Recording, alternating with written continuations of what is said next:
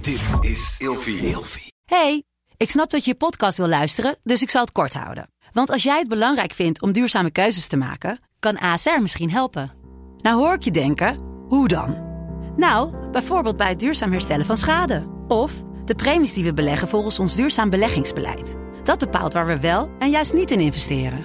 Wil je meer weten over welke duurzame keuzes ASR maakt? Ga dan naar asr.nl slash duurzame keuzes. ASR doet het.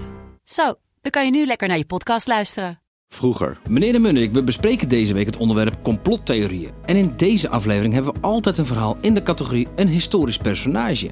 We gaan het hebben over voormalig CIA-medewerker Edward Snowden. Hoe de fuck is dat? Nog nooit van die man gehoord. Echt niet? Nee, Waarom niet? ik heb geen idee wie dit Heb je is. nooit de krant gelezen of zo? Hoezo? Dan ben je niet eh, een beetje op de hoogte van het wereldnieuws? Nou, jij gaat het me vertellen. Nou, weet je, dat is een van de belang- belangrijkste klokkenluiders van, eh, van onze tijd. Deze systeembeheerder van de NSA, de National Security Agency, die heeft dus ja, belangrijke informatie gelekt. Is hij van Wikileaks? Ehm, dat is Julian Assange. Oh ja, precies. Dat is iemand anders. Ja. Maar Edward Snowden eh, was, was de- een van de laatste klokkenluiders. Ehm, wat er gebeurde was dat hij aan The Guardian en de Washington Post geheime documenten over geheime spionageactiviteiten van ja, de, de Amerikanen ging lekken. En er was dus een wereld online. Ja, een wereldwijd online communicatienetwerk. Dat werd eh, bewaakt door het computerprogramma Prism. Ja, het klinkt echt als een soort James Bond film. Met zeg maar allemaal bad guys die de wereld monitoren Is dit eigenlijk. echt wat je nu vertelde? Nee, dit, dit is allemaal hartstikke Oh, waar. tot dit is, zover nee, klopt het. Dit is echt waar. En uiteindelijk weet hij dus zoveel informatie te delen... dat zelfs de Amerikanen genoodzaakt zijn... om bepaalde divisies, spionagedivisies in, in landen stop te zetten... omdat anders hun geheimagenten gevaar lopen om geliquideerd te worden... of opgepakt te worden wegens spionage. Wauw. En eigenlijk gaat het voornamelijk om afluisterpraktijken.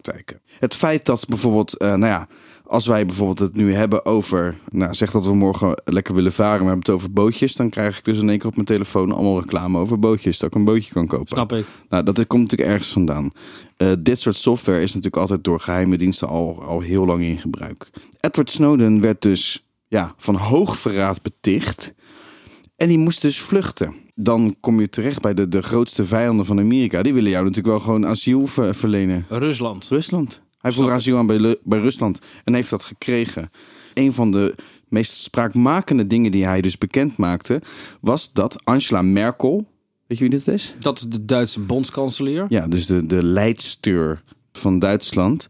En eh, deze leidster werd dus gewoon afgeluisterd. Haar telefoon werd afgeluisterd door de Amerikanen. Terwijl eh, Duitsland een bondgenoot is van, van Amerika. Ze zitten in de NAVO. We horen als het goed is met elkaar samen te werken. Dan moet je elkaar vertrouwen. Wat heeft dit te maken met complottheorieën? Nou, dat er dus eigenlijk een. Nou, de complotdenkers die, die zeggen dus van: luister, we worden continu als een, door Big Brother in de gaten gehouden. Ze hebben gelijk. Ja, Tot morgen. vroeger.